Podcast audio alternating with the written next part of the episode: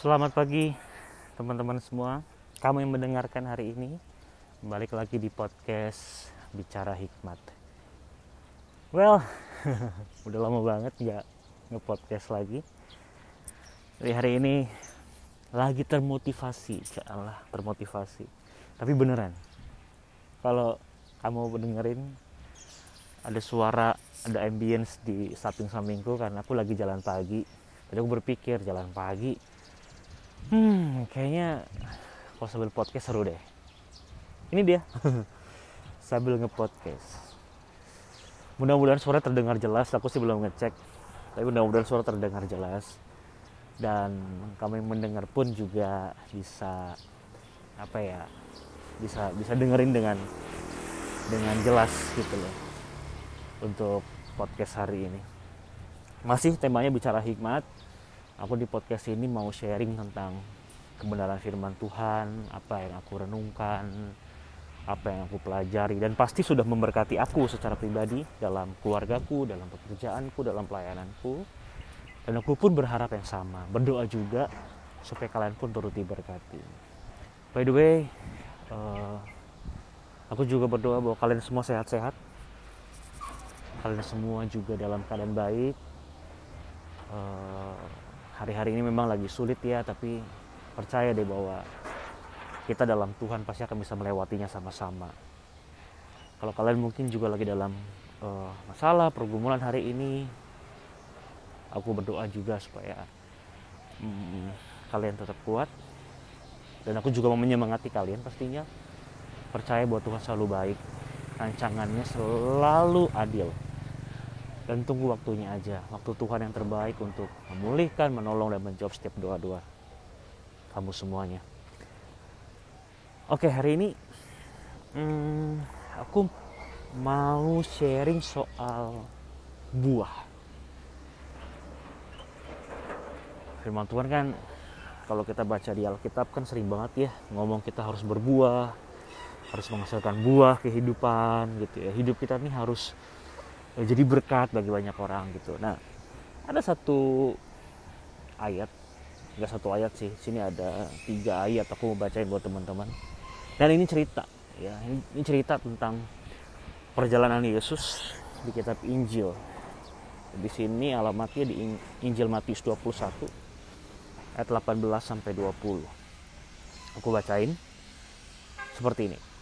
Pada pagi-pagi hari dalam perjalanannya kembali ke kota, Yesus merasa lapar. Oke, jadi Yesus lagi balik ke kota dalam perjalanannya. Ini Yesus lagi lapar nih. Dia ke jalan, ia melihat pohon ara, lalu pergi ke situ. Tetapi ia tidak mendapat apa-apa pada pohon itu selain daun-daun saja. Jadi ketika Yesus lagi lapar, Yesus lihat pohon ara. Ya kan, karena dia lapar, dia datangin dong, dideketin. Tapi ketika dia deketin, dia nggak dapat apa-apa tidak ada sama sekali buahnya. Dikatakan cuma daun-daun aja. Lalu Yesus ngomong kayak gini. Katanya kepada pohon itu engkau tidak akan berbuah lagi selama-lamanya. Dan seketika itu juga keringlah pohon ara itu.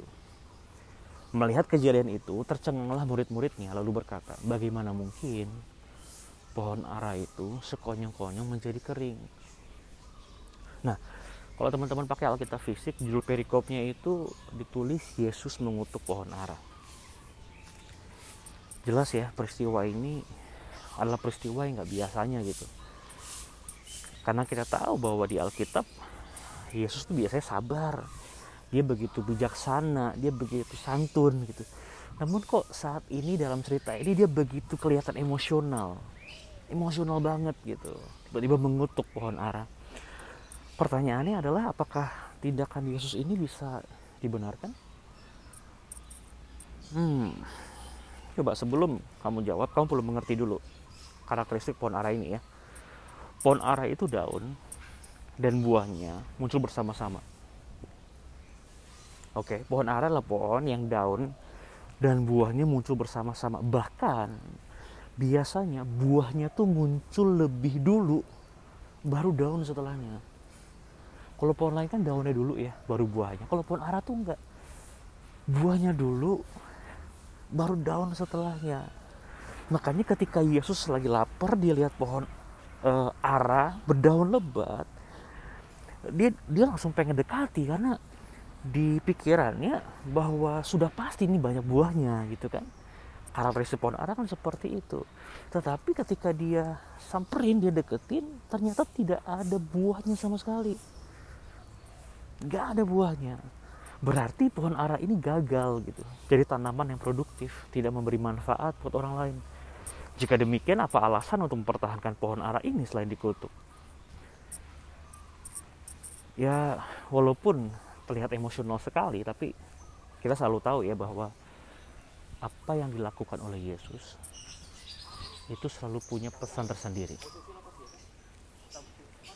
Selalu punya pesan tersendiri. Dia tuh kalau ngelakuin sesuatu beraksi di tengah murid-muridnya, pasti dia punya Eh, sesuatu untuk diceritakan, untuk diajarkan kepada orang-orang di sekelilingnya gitu ya.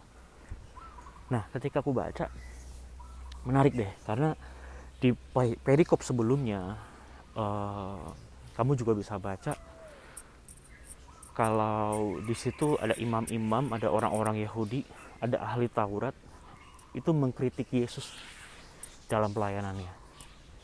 Kita tahu sama-sama ya bahwa uh, banyak orang nggak suka sama Yesus gitu dalam pelayanannya.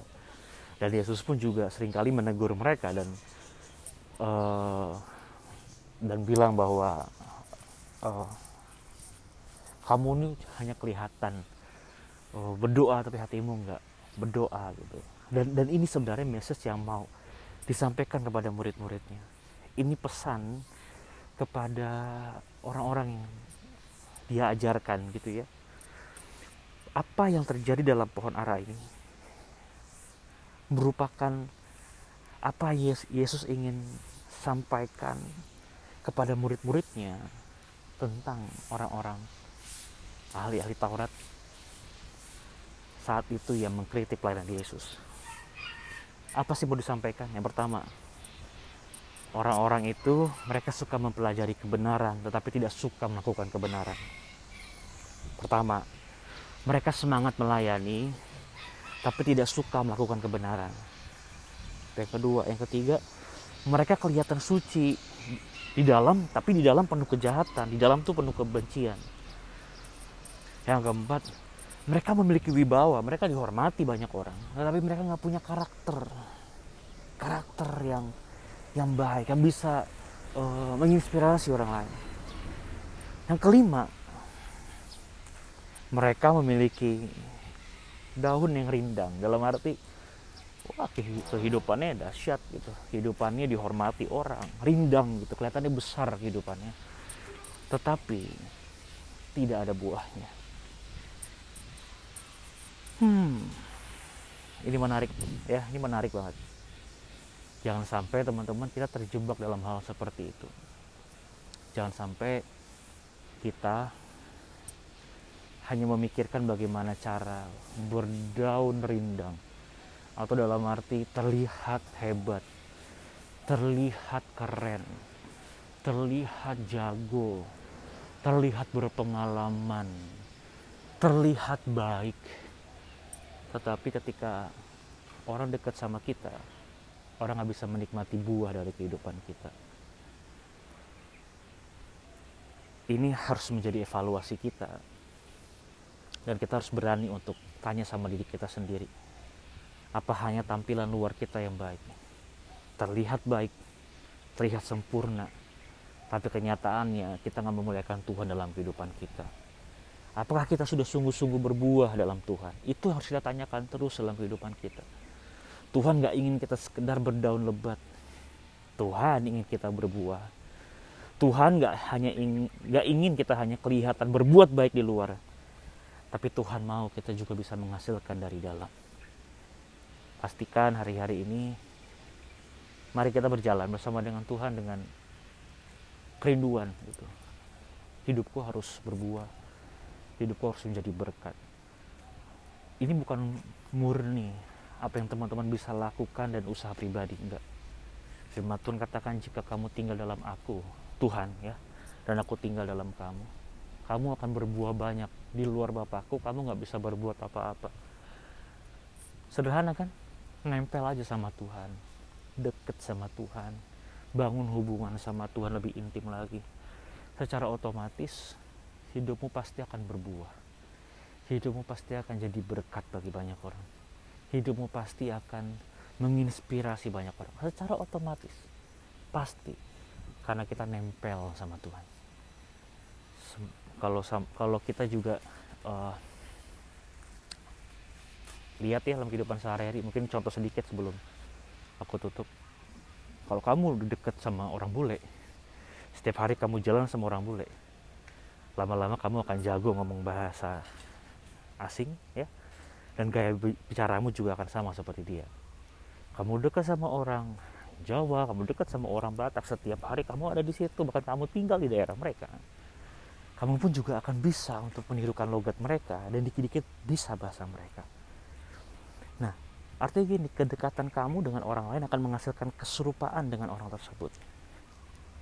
Aku juga mau katakan hari ini, kedekatan kamu sama Tuhan juga akan mendatangkan keserupaan dengan Tuhan. Kita baca firman, kita dengar firman, kita tahu hatinya, kita tahu suaranya. Maka akan semakin lagi hari-hari kita dalam pekerjaan, dalam pelayanan, dalam keluarga. Perkataan kita akan mirip Kristus, tingkah laku kita akan mirip Kristus, sikap kita, respon kita menghadapi masalah pun akan seperti Yesus. Itu berbuah pasti. Dan aku berdoa supaya buah itu matang dan hidupmu, hidupku di tengah masa-masa yang sulit ini kita boleh senantiasa jadi berkat bagi banyak orang. God bless. Tuhan Yesus memberkati. Itu aja. Bye. Sampai jumpa di next podcast. Ciao.